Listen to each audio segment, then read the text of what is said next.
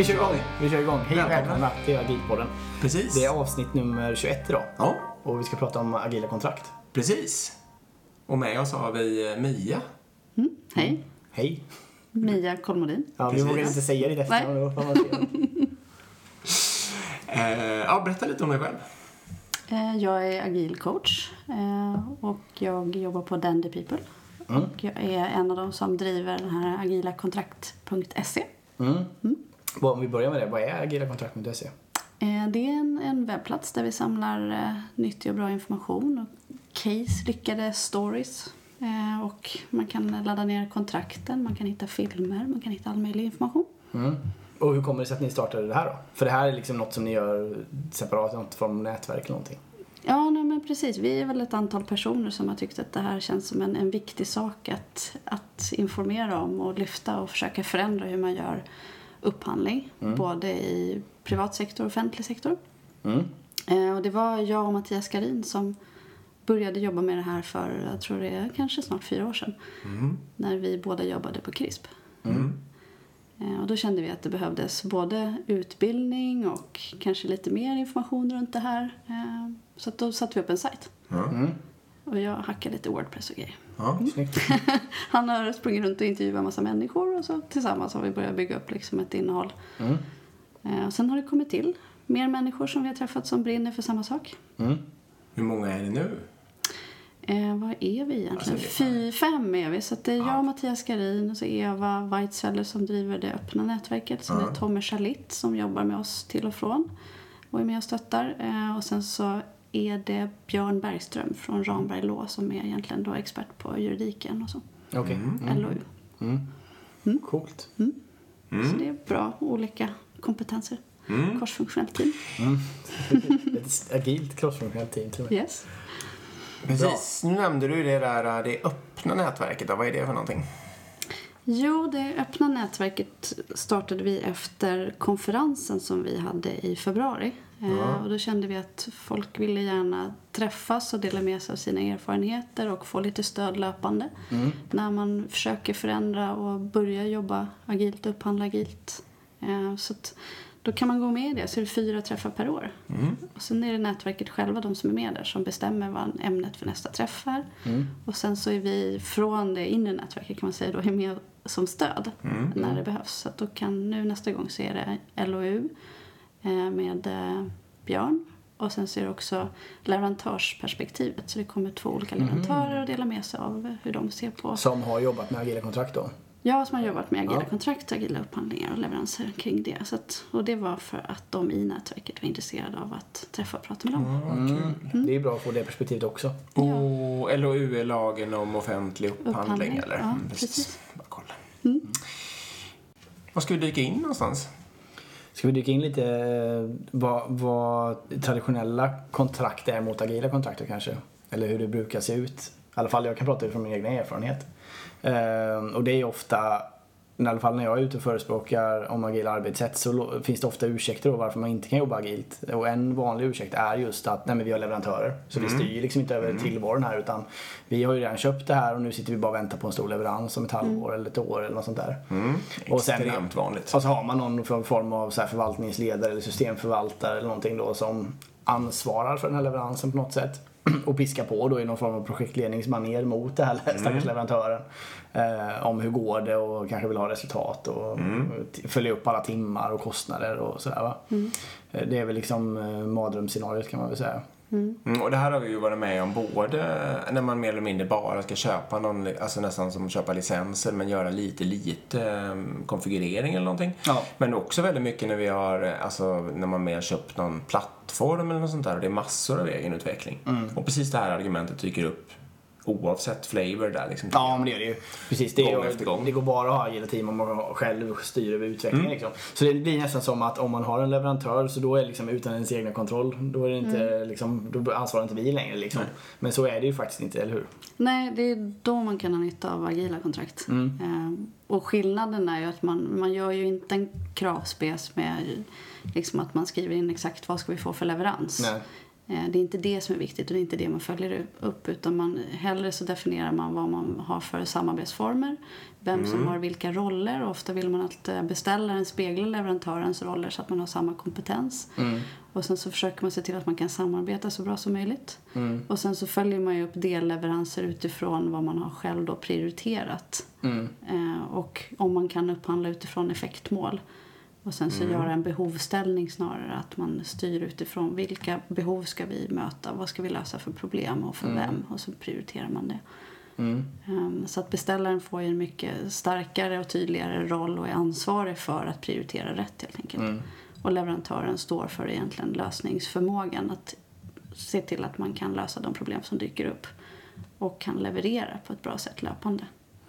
Så det är det som är viktigt. Att Precis, man har en även- leveransförmåga kontinuerligt. Exakt, men även i en traditionell värld blir jag ju påstå att det är beställaren som såklart ansvar för leverantören också. Liksom. Man, det är väldigt lätt att skylla ifrån sig bara för att man har en leverantör så kan inte vi styra över dem. Liksom. Jag menar, det är vi som företag som faktiskt anlitar den leverantören. Om inte de är beredda att anpassa sig och till exempel göra en agil leverans då, då ska vi också till att byta den leverantören till en annan. Liksom. Man Ja, får inte men fastna precis. i att de har någon makt mot en själv. Liksom. Nej, där gäller det ju att hitta en leverantör som i sådana fall vill jobba agilt och vill liksom hitta ett bra samarbete. Jag Och kan kan jobba då med liksom ett agilt mindset och, och kanske prototypa och liksom hela tiden löpande leverera någonting som man kan utvärdera och testa.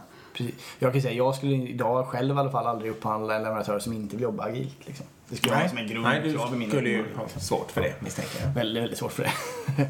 ja, okej, men spännande. Jag, jag, jag får bara kolla lite här. För nu känner jag, när jag lyssnar på dig så känner jag att det du säger ungefär är att man ska ha den agila grundsetupen rakt av. Det, alltså lite det här att man behöver hitta en produktägare som orkar med att hålla en vision för vad den här produkten eller idén ska någonstans. Och den är ju troligtvis hos beställaren då så att säga. Och sen så behöver man ha, och att den här leverantören ska vara precis som en vanlig utförarorganisation och förstå den där visionen, jobba mot den på ett strukturerat sätt med en backlog och så vidare. Och att det egentligen är väldigt, väldigt lite skillnad om man gör det hela in-house. Ja, det behöver inte vara någon skillnad alls. Nej. Utan, och det, man kan ju upphandla liksom agilt ett program där man liksom jobbar på fem års sikt med sju leverantörer. Det, det kan vara stort och det kan vara litet men det är ingen skillnad mot att göra det internt egentligen. Nej, det är mer att alla ska ställa upp liksom på att man har det här arbetssättet och betraktelsen och så vidare. Mm. Plus att man måste också släppa in leverantören, eller hur? För jag menar, om leverantören ska kunna leverera så måste man ha produktkännedom och också känna till Exakt. verksamhetens Ja, så det pengar måste på. man stötta dem i så att de förstår behoven och att man kanske gör lite, del, delvis så gör man ju user research löpande och tittar på liksom och prototyper och testar och pockar eh, och testar mot liksom riktiga, vad det nu kan vara, användare och så. Så att det är leverantören som behöver lära sig. Hur ska lösningen funka? Men det är beställaren som ser till att man löser rätt problem. Jag har ju en tes när det gäller det här va? Och som jag Kör. lever efter och det är att man, det här ska man, man ska ju i största möjliga mån undvika leverantörer tycker jag. Och outsourcing och managed service. Eh, ja men det, det kanske låter lite krasst men jag tycker absolut det. Eh, jag menar, för, för, va, alltså anledningen varför man gör det, det är ju inte på grund av att man behöver specialkompetens eller på grund av att man behöver skala upp snabbt eller någonting utan oftast handlar det om en kostnadsbesparing. Eh, I alla fall enligt min erfarenhet. Det handlar alltså om att chefer vill, vill klippa IT-kost egentligen. Och ett sätt att göra det på det är att lägga ut teamen i Indien där en utvecklad kostar 200 kronor istället för 1200 som det gör i Sverige. Ehm, men så jag menar, jag tycker ju liksom själva grundprincipen, om i alla fall om jag hade kört ett eget bolag, hade varit att jag ska ha eh, team som jobbar på mitt bolag liksom. Och de är helt integrerade i verksamheten, de sitter inte på en separat IT-avdelning och så vidare. Eh, Sen om man nu måste, liksom av någon anledning då göra det här, liksom att man måste ha en leverantör. Det kan ju vara så att vi behöver någonting som inte är vår core, vi ska inte egenutveckla det här, utan vi, borde köpa det här från någon som är jävligt duktig på det. Men då måste man, jag tycker det är viktigt att man börjar med att titta på varför gör vi det? Vad är de rätta, liksom, vad är anledningarna? Och se till att de är väl grundade liksom, innan man ger sig in i den här soppan. För, det, för det kommer vara svårt. Det är mycket svårare att få en leverantör eh, med team att leverera in i din verksamhet. Du kan ju försöka göra det på så bra möjligt sätt som möjligt liksom med då agila kontrakt och så vidare. Men det kommer ju vara mycket svårare att få det att funka eller om du har anställd personal. Ja, nu ska- vi håller lite på med det här en, eller en variant med det här just nu. Så jag vet ju lite hur jag själv tänker i vad, vad jag vill lägga ut för någonting. Nu är det ju lite så i och för sig att det kommer som ett direktiv liksom och det hänger ju självklart delvis ihop med kostnadsbesparingar. Men det är ju också eh, så att det är ganska svårt. Alltså vår verksamhet är ju här i Mälardalen just nu och det är ju inte jättelätt att rekrytera, för eller snarare jättesvårt. Det är ju ett grundargument för att lägga saker på andra ställen i världen. Det behöver ju inte betyda att man måste ha det som leverantör i och för sig. Det kan ju vara att man öppnar ett kontor också. Men ponera att man inte på något enkelt sätt tycker sig kunna öppna ett kontor långt bort i stan så att säga. Då kan ju det här vara en, en kraftfull metod. Eh, det andra är om det är någon sån här grej som man har ganska, tycker jag det i alla fall, man har väldigt lite volym och någonting som, man, som är på väg ut kanske men som ändå kommer vara med en ett tag. Ja, det är lite samma sak då, men då kan det vara svårt att hålla kompetens på det själv. Men det kanske en leverantör klarar. De Precis. två casen kan vara ganska goda argument för att lägga ut. Tycker jag. Det tycker inte Erik. Ja, jag är, jag, jag, jag, Han är skeptisk. jag är skeptisk. Men jag tycker i alla fall... Det, Men han är föräldraledig. Ja, ja, det är därför jag är så skeptisk. Kommer tillbaka till verkligheten snart. Nej, men okej, men så här, låt, låt mig rephrasa mitt, mitt statement till i alla fall att kolla på grundavdelningarna. Mm. Är det en sån här grundavdelning som Dick nämner, ja då är det större sannolikhet att ni borde Mm. göra det. Men är det en kostnadsbesparing och enbart en kostnadsbesparing, då ska ni inte göra det. Den trend som är och som kommer pågå det är ju att man bygger upp egna utvecklingsorganisationer överhuvudtaget eller Mm. Ja, det, är det, produktorganisationer. det är det ju faktiskt. Och då vill man ju ha dem internt och man vill ha kompetensen internt och man förstår att det är det som är Absolut. liksom, affären och nyttan, att vi faktiskt bygger det internt. Men sen finns det lite olika, för det där som du sa nu delar ju faktiskt, grundsynen på det delar nog en stor del av mjukvaruindustrin nu. Men sen är det nog lite olika om man börjar titta på det här med vilka delar av livscykeln ska man göra internt och när kan man liksom börja lägga bort saker och så vidare. Och till och med jag kanske kan acceptera att man kan lägga bort saker som ligger väldigt sent i livscykeln och så vidare. Ska vi släppa den? Ja. Eh, jag funderar på om vi ska gå in på den här trappan här. Man kan kanske urskilja en trappa liksom. När man går från kanske, eller mot då att upphandla mot effektmål. Det kanske är det översta trappsteget som vi känner till. Ja men precis. Just nu. Där beställer man på effektmål och sen så liksom levererar man mot det. Var börjar den där trappan någonstans då? Ja, den enklaste formen är att man upphandlar lösa konsulter, resurs. Timupphandling. Ja, precis. Som brukar bli ganska råddigt och stökigt och speciellt om man då ska bygga upp en helt ny utvecklingsorganisation eller någonting så tar man in massor specialister. Då kommer det bli fantastiskt bra. Och det brukar ju bli smetigt och jobbigt. Och Det de brukar kanske inte är så bra på att jobba ihop och sen har man korta Precis. kontrakt dessutom, tre månader eller sånt där. Och så är folk oroliga och hinner aldrig liksom bygga upp något team eller någon kunskap. Nej, det blir inte så kompetens. långvarigt. Nej. Och så är det mycket admin. Mm. Precis, det är mycket admin. Och just också där blir ju att man kollar på liksom kronor per timme. Ofta. Och då blir det liksom i värsta fall så har man ju en, en leverantör som dessutom då specificerar eller inte specificerar och så kommer beställaren vilja veta vad, vad de här individerna har gjort. Ja, de har jobbat 60 timmar nu. Har vi verkligen sagt att de ska göra de här 60 timmarna? Alltså du vet, och så ligger man i massor med sådana diskussioner som är totalt icke värdeskapande liksom. Precis, det är svårt att styra värdet där. Man får ut så mycket värde som möjligt från det. Mm. Och nästa nivå är väl kanske att man eh, då egentligen har en leverantör som man ger ett helhetsåtagande.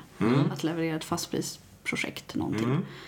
Ehm, där är det också svårt att se att man får värde. Man får ju det man har kanske möjligtvis beställt. Sen kanske det blir tilläggsbeställningar på sidan och alla sådana där grejer. Exakt. Och Saker som in- inte var spesade från början och Exakt. sånt. Mm. Och varför blir det så? Det här det har jag ju starka åsikter om själv. Men jag, säger du.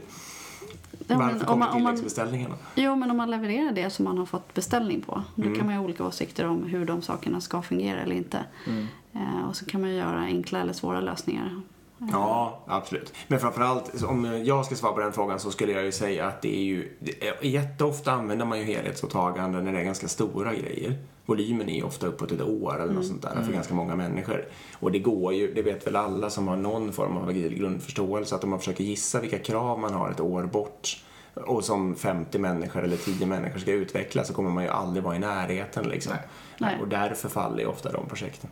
Precis, ja men så är det Då är det ju stora Ja. vattenfallsprojekt. Ja. Eh, och, och det fungerar ju sällan. Så därför vill man ju mycket hellre då eh, upphandla agilt. Mm. Och då är steget efter det att man upphandlar agila team. Mm. Vilket är någonting som börjar hända nu som vi ser faktiskt inom offentlig sektor. Som är väldigt roligt. Det är coolt. Eh, Mm, och då har man ju mycket mer egentligen kontroll på att teamet har rätt kompetenser och att de är ett fungerande team redan från början. Mm. Annars kan det ju ta upp till ett år att få upp liksom hastigheten på ett team. Och Mm. det man behöver lägga till då är ju egentligen vad är det de ska leverera för någonting. Så att då behöver man ha en bra produktorganisation, egentligen med bra produktägare. Mm. Eh, Jag håller verkligen med om det. Vi kan fastna lite vid det. För, för menar, om man säger att vi skulle ta nu åtta superduktiga utvecklare från olika konsultbolag här i Stockholm eh, och sätta och skapa ett eh, team av det. Det skulle ju ta x antal sprinter innan de liksom var fine-tunade i att lära känna varandra. Och... Ja, det tar ju ofta upp till ett år innan de egentligen har bildat ett fungerande team. Ja, Sen vet det- man ju inte, bara för att de är experter behöver inte de vara bäst på samarbete heller. Nej, precis. Men, men det är precis min erfarenhet också. Det tar väldigt, väldigt lång tid att få sådana team att funka. Fast alla på pappret är superduktiga utvecklare. Ja. Eh, Så Men det behöver man- inte ens vara en fördel. Nej. Nej, Nej, ex- är- exakt. Så nej. det gäller ju egentligen att hitta ett välfungerande team som har rätt kompetenser och sen så att de själva kan se till att de liksom förbättrar sig hela tiden och har Precis. den liksom förmågan. Exakt. Det, det, det här har jag också haft många teser om att jag tror att man kan ta till exempel ett Java-team och göra det till ett .NET-team. Jag tror det är mycket lättare att göra det för teamet redan finns. Ja. Liksom, än Och så att kan göra de lära sig team. nya Ja. kompetenser. Ja, precis, jag tror, jag tror det, är, det är lättare än att få till teamet. Liksom. Mm.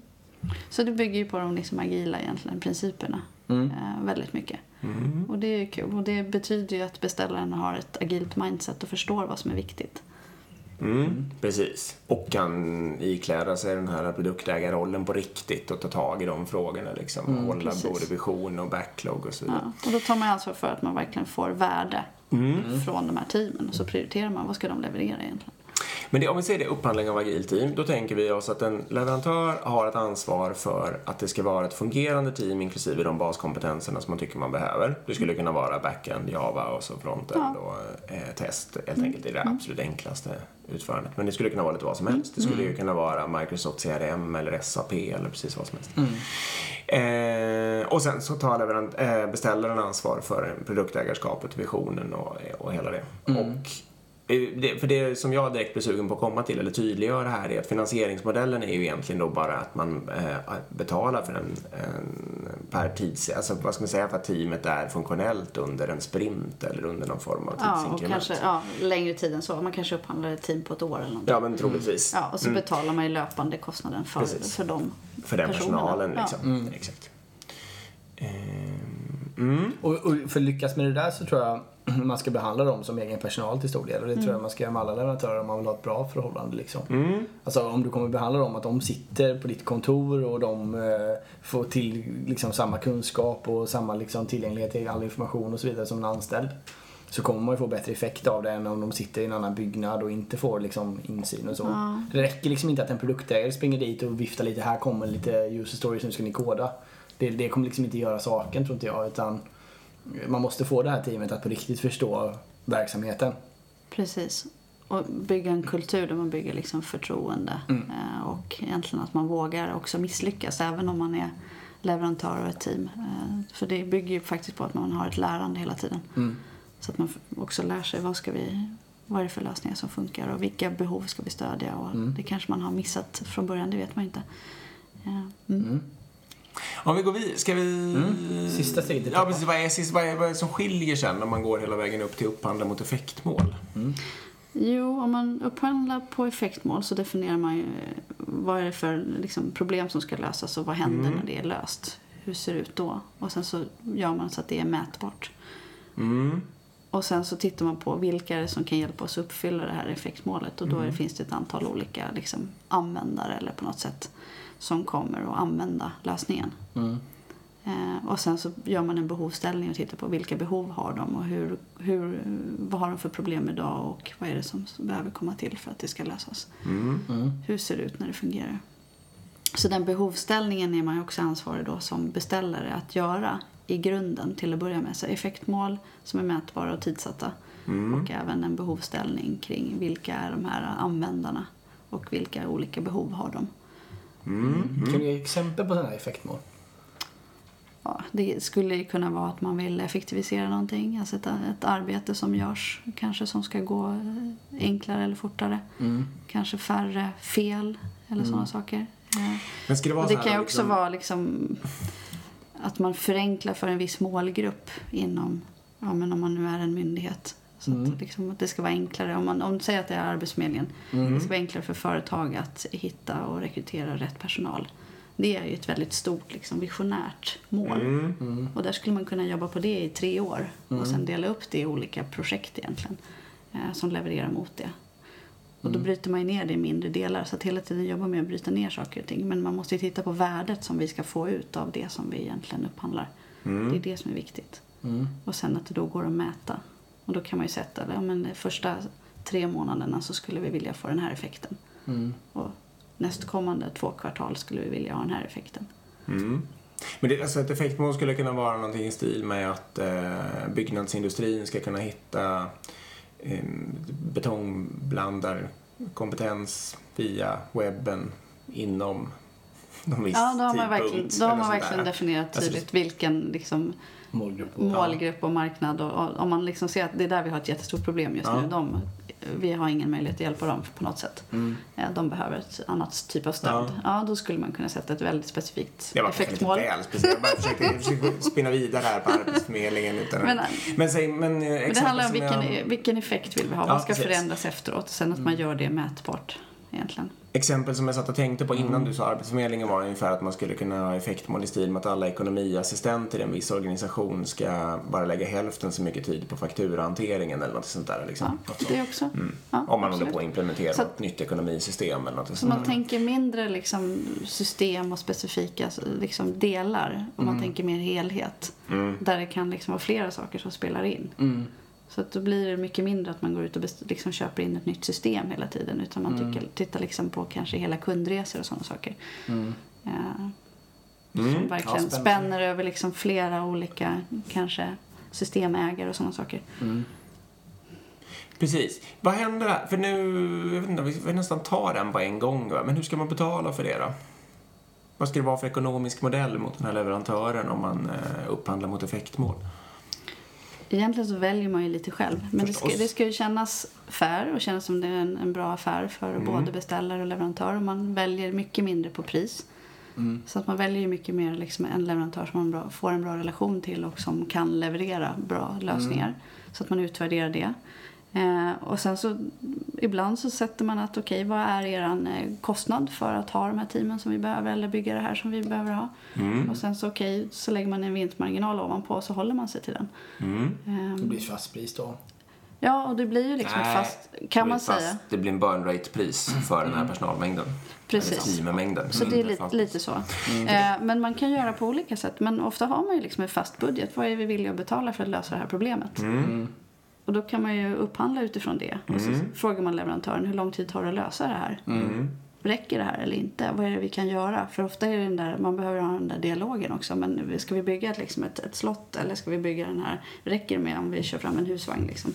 Eh, och den dialogen är ju ibland svår att ha. Väldigt, Så ja. att börja ha en sån dialog innan man gör upphandlingen. Att man liksom tittar på vad är det egentligen som behövs för att lösa det här problemet. Mm. Vad säger flera olika leverantörer? Eh, och vad tror de egentligen krävs då resursmässigt för att göra det? Mm. Och, då, och då kan man få uppskattning av flera olika leverantörer som säger men vi tror att det är så här, så här många människor under så här lång tid. Och sen så okej, det verkar som att de tycker ungefär lika. Eller? Ja. Men Men då tar man den som säger högst, Egentligen, skulle jag kunna gissa. Jag skulle ju föreslå att man tar den som man ser att man har en bäst relation med. Okej. Så när man Men utvärderar man ska- kan man ju också göra code camps och sådana grejer. Så att Ja, man ser att, att, de levererar bra kvalitet. Liksom.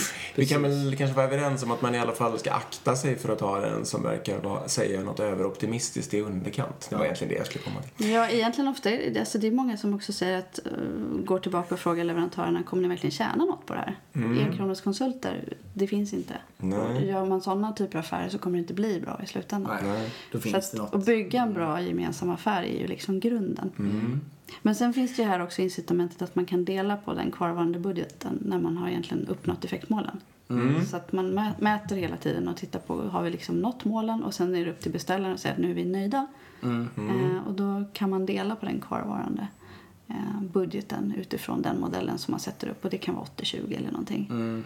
Och då frigör man ju kanske liksom både budget och det här teamet till att liksom påbörja någonting annat. Eller att man lägger det helt på något Plus att leverantören då har ett incitament att bli klar faktiskt. Ja, ja men precis. Men det är väl, eh, precis, det är ju det roliga caset att man upplever sig klar i förtid. För det jag är på väg till här nu är lite, vad händer då om, eh, alltså om man har underskattat grovt så att säga? Vem bär risken i hela den här affärsupplägget?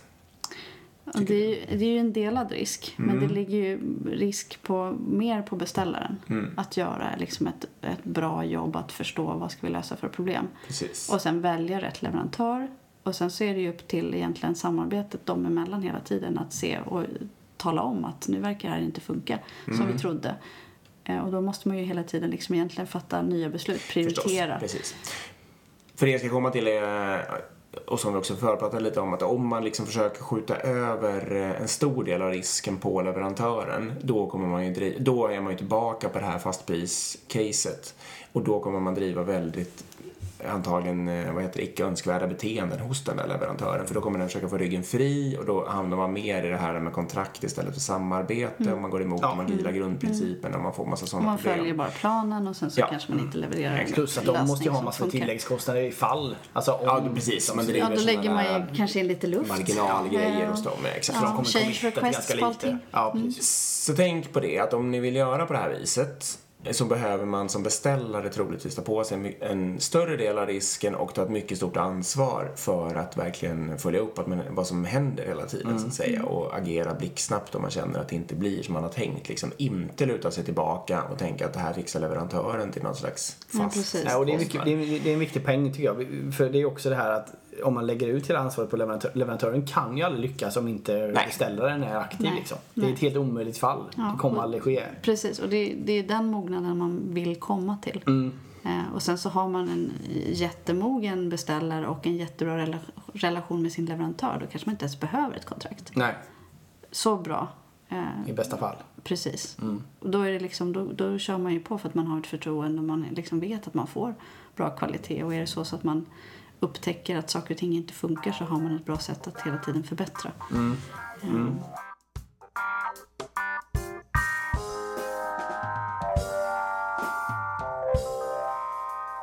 Ja, jag har ju några saker jag känner för att ta upp här va. Kör. Den här klassiken med managed services. Mm. Eh, är det någon som vill kommentera på den? Nej.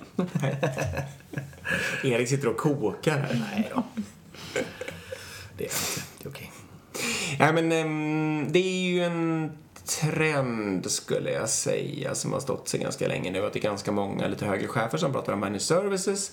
Och det de är ute efter då är ju väldigt ofta att man ska skjuta över eh, ett, någon slags ett ökat ansvar på leverantören och ett ökat effektiviseringsansvar kan man säga. Det är väl egentligen grundtanken. Alltså att man ska ta betalt, det ska vara output-based. Ponera att ni tillverkar liksom eh, åror för en eh, galär eller något sånt där. Då så ska man ju betala per? Åra, en båt. Eh, och, eh, och, och så kanske man ska ha någon trappa liksom när man betalar mindre och mindre pengar för varje år, för varje år som går därför att man tänker sig att leverantören kan effektivisera sin produktion. Ja. Och i det caset funkar det väl för övrigt ganska bra kan man tänka sig. Fabrikscaset. Ja, Fabrikscaset, det är ja, väl exakt. i alla fall. Ehm, och det, så gör man ju ofta i tillverkningsindustrin, eh, så att säga. Det, är- då är ju saker ofta någon slags managed service. Men eh, det där finns ju ofta en fälla liksom i, när man kommer till eh, såna här kunskapsgrejer. Eh, Som utveckling. Att eh, det finns ingen sån bra enhet. Man kan liksom inte man kan inte ta antal kodrader, eh, även om man håller på med Ja, det produktutveckling borde vara snarare tvärtom då. Man får betalt mindre han- ju fler kodrader Man har klantat till det och skrivit fler kodrader. Ja, Ja, men det blir precis. bara dyrare underhåll Precis. och Ja, sämre så kan man kvalitet. Det är sant. Nej, men vi- fastnar ju lite, jag tycker man kommer tillbaka till den här grejen att vi kan, en leverantör kommer aldrig kunna göra leverans så länge beställaren inte är där och är aktiv liksom. För man, kan Nej. inte, man kan inte lägga ut en applikation fast jag menar, är applikationen eh, oviktig som du hade som argument för managed service. Alltså, alltså den är långt bort i livscykeln som du sa. Mm. Om man vill lägga bort den och sen ska den bara liksom ligga där och pyra lite och halvskötas liksom. Mm. Jag menar, det är ju fortfarande beställare som bestämmer vad som händer med den där. För med beställaren, om den bara slutar höra av sig den här leverantören eller inte kravställer eller inte Mm. aktiv så kommer den ju dö och bli jättedålig liksom. Eh, och då kanske det är lika bra då att avsluta den nu liksom. Men man har den i sina egna händer. Mm. Jag skulle nog kunna sträcka mig så långt att jag skulle kunna tycka att alltså på applikation, om man har någon gammal legacy som man inte ändrar i så skulle man kunna lägga ut driften som någon slags, ja, kalla det vad du vill, men Mm. managed service. Ja. Jag tänkte om man sa så här 35 små applikationer, men det blir inte riktigt output-based. Nej, Men och, och egentligen betala för outputen egentligen, det är kontraproduktivt. Det är inte det Ja. man göra, utan man ska Nej. betala för outcomen. Exakt. För det är ju våran tes här då, att om det är en sån här kunskapsgrej eh, så vill man troligtvis betala för effekten.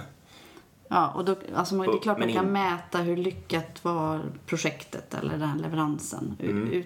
Det behöver inte bara vara effektmål, man kan ju liksom mäta på kvaliteten. Mm. Man kan mäta på liksom ledtider. Man kan ju mäta på många saker. Mm. Förutom effektmålet där man liksom gemensamt sätter upp det med leverantören. Det här är Mm. viktigt för oss. Det här är våra kopior. Förutom effektmålen. Eh, och de vill vi följa upp hela tiden. Mm, det kan man göra. Men så fort man börjar ta betalt rakt av på dem som någon slags output-based så tror jag att man är i en fälla. Man Det skulle, tror jag också. Man skulle kunna ha en bonus. Eh, Mm, att sånt skulle vi man har kunna ha. Mm. väldigt hög kvalitet, jämn kvalitet och sådana saker. Och löpande liksom snabba och bra leveranser på saker och ting. Mm. Eh, det drar inte ut på tiden. Då styr man ju mot någonting som är liksom positivt som man är Mm. ute efter. Och kanske hög innovationsförmåga. Alltså Mm. att möjlighet att prototypa och testa saker löpande och liksom inte liksom titta på vad finns det just nu och vad funkar Mm. utan komma med proaktiva lösningsförslag. Det är ju någonting som en, en beställare som är mogen är intresserad av. Mm. Så kan man lägga in sådana saker så tror jag att det är väldigt bra. Men i det fallet med legacy och jag vet inte, det är, det mycket risk i det överhuvudtaget? För annars så kanske det Nej. inte behövs något, någon Det är det agil i och för sig setup inte heller. överhuvudtaget. Nej, det är sant. Utan då är det liksom ganska flat, Lite av jag säga. ett icke-case, det har du Ja. rätt i. eh, Men hypotesen är ju egentligen att man behöver, alltså det troligtvis absolut bästa är att ha all basfinansiering ändå räknat i människor på något sätt. Eh, och sen kan man ha olika bonusar eller något sånt där eh, om man gör ett extra bra jobb. Men inte hålla på och skjuta ut någon risk på leverantören för då Nej. kommer man troligtvis driva fram fel Ja beteenden. men precis, det, ser det som en delad, delat uppdrag och delad risk.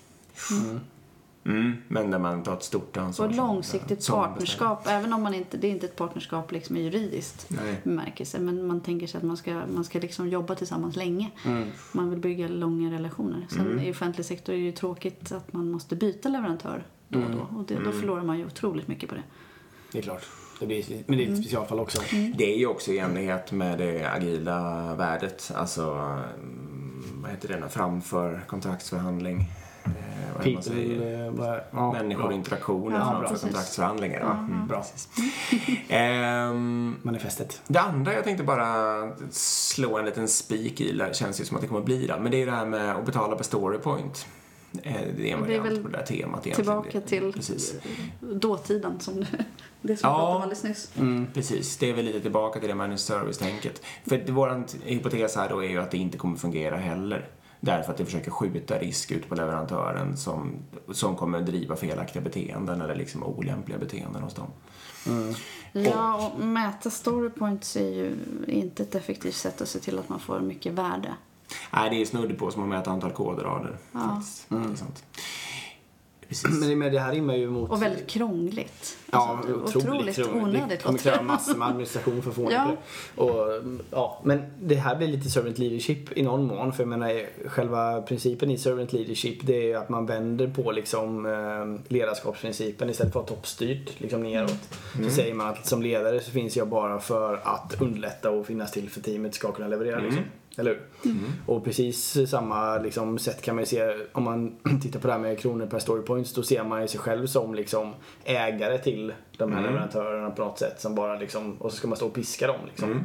Och så ska man ha sätta upp massor med olika fällor för dem. Så att eh, om de på något sätt viker av så ska de liksom få på fingrarna. Liksom.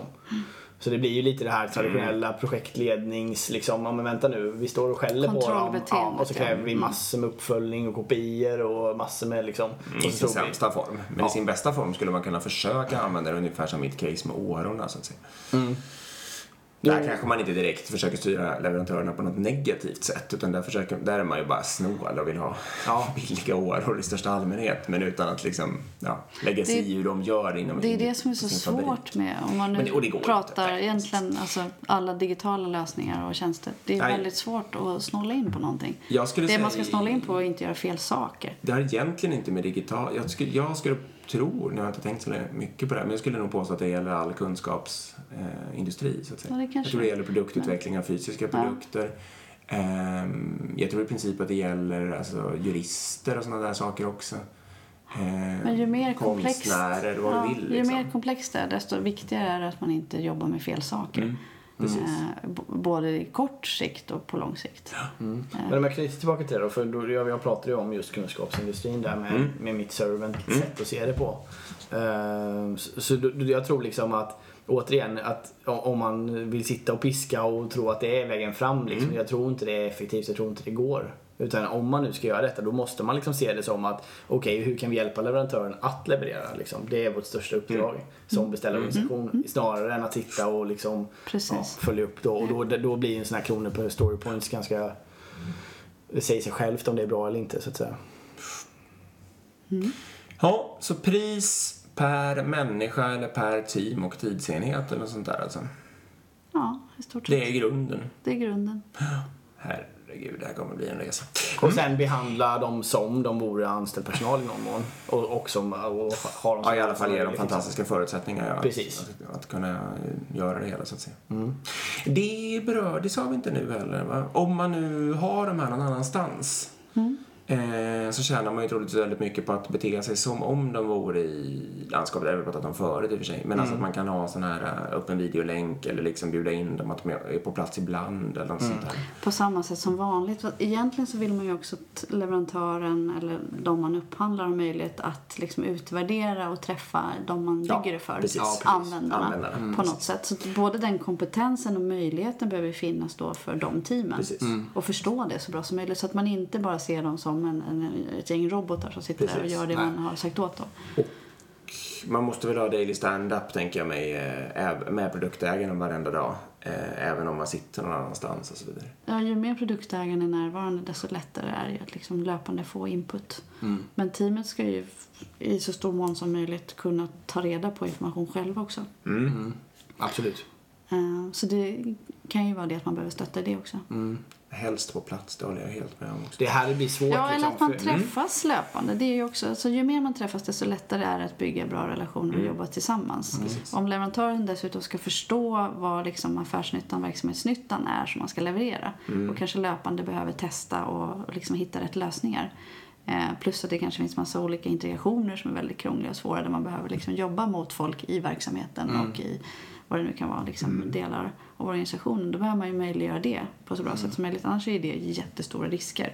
Och det är ju du som beställare som det är du som äger att hantera de riskerna och minimera dem så mycket som möjligt från verksamhetsperspektivet. Liksom, att se till att det är möjligt för dem att göra de sakerna som Det här blir svårt tror jag. För jag, eh, traditionellt i alla fall så finns det ju någon hierarki att beställaren äger leverantören eller bestämmer över leverantören. Här måste man liksom lägga sig på jämsides på något och Ja. säga liksom vi är lika beroende av varandra i det här Precis, fallet. och det liksom. är man. Ja, och det gäller att inse det och, och möjliggöra så bra liksom, arbetssätt som möjligt. Och sen välja sådana leverantörer där det faktiskt funkar. Liksom. Ja. ja, men Så inte precis. försöker blåsa en, för då kommer det ju inte funka heller med det. Nej. Nej, och det är därför man behöver egentligen utvärdera leverantörer ett- kanske ett antal stycken innan. Och titta på egentligen deras eh, samarbetsförmåga i teamen och hur de förstår behoven i verksamheten. Och ge dem ett litet inkrement att kanske göra på en codecamp eller någonting. Eh, och se till att man ser också och jobbar tillsammans med dem under kanske en dag eller en vecka eller vad man nu vill göra. Det finns olika sätt att göra det på. Ehm, och då kan man utvärdera vilka team verkar ha bra samarbetsförmåga, vilka har bra teknisk kompetens, vilka verkar liksom vara duktiga på att vara proaktiva och ge bra lösningsförslag. Kanske inte komma med ett lösningsförslag utan kanske tre. Eh, vill ni göra den här stora grejen eller den här lilla grejen eller ska vi göra liksom ett snabbt test? Eh, den typen av samarbete vill man ju gärna ha. Och, Så att, att utvärdera det och hitta en bra leverantör där är jätteviktigt. Och också och att de har ett agilt mindset får man inte glömma bort där. För det är, väldigt, det är inte många leverantörer som har idag skulle jag säga. Nej, kan Utan det många gånger så sitter de i någon form av liksom resursallokeringshistoria på sin sida. Alltså, ja, jag får jobba med det här projektet i 32 procent. Med Resten av min tid ska jag göra debitering. Ja, och det vet man hur det Ja, liksom. inte funkar. Nej, och sådana leverantörer ska man ju inte röra då helst. I alla fall Nej. inte om man ska välja nya nu liksom. Så passa Nej, på så- nu verkligen och kravställa dem på att de ska vara agila. Precis, och då, vad är det för någonting? Men det handlar ju väldigt mycket om den här lösningsförmågan och prototypen men också löpande kontinuerliga, kontinuerliga leveranser. Eh, Det är ju en av de superviktiga delarna. Visst är det så. Man märker det ganska fort skulle jag säga. Det är bara att gå dit och titta om har de agila team som sitter eller är det allt projektorganisation med projektledare och så vidare. Så Men när man skriver att- kontrakten så lägger man ju in då hur ska vi samarbeta och att lever- leverantören ska göra löpande leveranser är Mm. ju bra att skriva in då. Eh, och att det är beställaren som är ansvarig för att kanske validera att, att man har levererat rätt saker. Mm. Det vet jag sist jag satt i någon så här kontraktsförhandling så skrev vi in också att de skulle, det var obligatoriskt för dem att vara med 15 minuter på daily stand-up. Till exempel. Ehm, så det är en sån grej. Mm. Så det går alltså att ha leverantörer. Ja, det det, tror jag nog att det kommer gå Det även, finns, även i lite success, framtiden. det finns success stories också, eller hur? Det finns eh, liksom folk som använt agila kontrakt och fått det att fungera. Ja, det, grejen är att vi, när vi började jobba med det här för tre, fyra år sedan så fanns Mm. det ju inte så många som hade gjort det i Sverige. Nej. Men man hade lyckats göra det på ett bra sätt i Danmark. Okej. Och det är ju egentligen samma grundlagstiftning Mm. om man säger så, som man Mm. jobbar utifrån om man tänker LOU då. Nu menar jag mer i offentlig sektor. Mm. Privat sektor finns det ju fler som, som använder egentligen agila principer och upphandlar agilt. Mm. Sen är det inte säkert att man alltid skriver agila kontrakt heller. Nej. Man kanske hittar ett bra sätt att, Mm. att samarbeta utan det. Mm. Men det gäller att man har ett agilt mindset. Men agila kontrakt kan ju vara ett bra liksom, ramverk att hålla sig till. Mm. Eh, och se också vilka delar kan man ta med, vad borde vi välja och liksom, så att man inte missar de här grundprinciperna. Eh, så det är ett Mm. bra sätt att liksom veta att vi faktiskt gör en agil upphandling. Mm. Mm. Men det finns, det finns ju success stories nu där man har börjat upphandla agila team egentligen framförallt. Just det. Och inom offentlig sektor. Det är ju jättekul att se. Mm. Mm. Framtiden är här.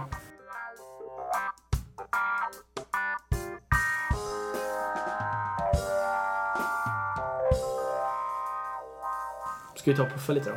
Ja, Vi puffar för vår Instagram. ja. In. Eh. Agilpodden. Ja, Bra. Och så puffar vi för vår mail. Eh, agilpodden at gmail.com. Bra. Och så puffar vi för vår hemsida också. Eh, www.agilpodden.se. Bra. Det Mycket snyggt. Där har ni allt. Det är bara in Var och frossa. In och frossa. Eh, Vill du puffa för någonting? Ja, du ska åtminstone puffa var man hittar det. Ja, jag ska. Ja, och det gör man ju på webben på agilakontrakt.se. Mm. Eh, och där finns det guider och kontrakt och alla möjliga saker, filmer och sånt som man vill Ja. kanske titta på tillsammans eh, och diskutera Mm. kring. Och sen så finns det ju nätverket, det finns också med på sajten. Mm. Eh, om man vill eh, vara med där på en träff. Nästa träff är i slutet på november hos Mm. Ramberg Law och då är det LOU som man pratar om. Och hur man upphandlar agilt med agila kontrakt inom LOU. Och även leverantörsperspektivet. Så det kommer två leverantörer och berätta om Mm. hur, hur man kan göra det på ett bra sätt tillsammans med dem Spännande. eh, och deras Mm. erfarenheter. Och sen så är det en kurs som också ligger på sajten om man vill eh, utbilda sig till certifierad agil beställare. Mm. Två dagars kurs. Och den är i... I Stockholm. Jag tror att vi har sagt att vi har den på CRISP. Det är jag och Mattias Karin som har den. Mm. Ja, Och det finns schemalagt menar jag, vilken tid? ja är den där? ligger uppe där. Nu minns jag är inte exakt, men i början på december. Ni hittar Början på december, precis för det här avsnittet, det, de här sakerna kommer hända ganska snart efter att det här avsnittet kommer ut kan Ja, ut. får vara snabba. Eh, Så att om ni vill eh, vara med på den nätverksträffen så får ni vara snabba. Exakt. Mm. Du har inte datum på den heller? Ja, Nej. jag minns inte i huvudet. Men eh, sista veckan i november Mm. tror jag det Agilakontrakt.se. Mm. Bra. Tusen tack för att du kom. Ja, verkligen. Tack med så jättemycket. All kunskap. Tack så jättemycket. Tack, Tack. alla ni som lyssnar. Ja, verkligen. Vi ses nästa vecka. Eller Precis. hörs om... Nej, det gör vi inte Om alls. två veckor. Vi hörs om två veckor. Bra. Bra. Hej. Hej.